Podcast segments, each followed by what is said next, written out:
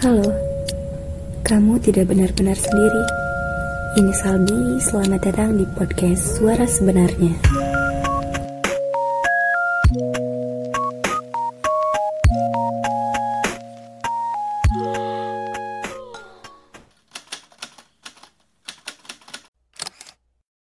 Saya tahu saya tidak sempurna.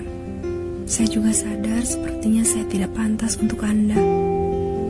Sebab Anda begitu melangit untuk saya yang membumi.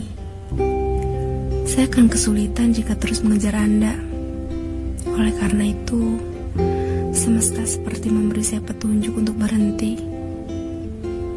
Untuk hari-hari yang pernah kita lewati sebelumnya, saya ucapkan terima kasih atas kebaikan Anda dan segala rasa sakit yang masih ada.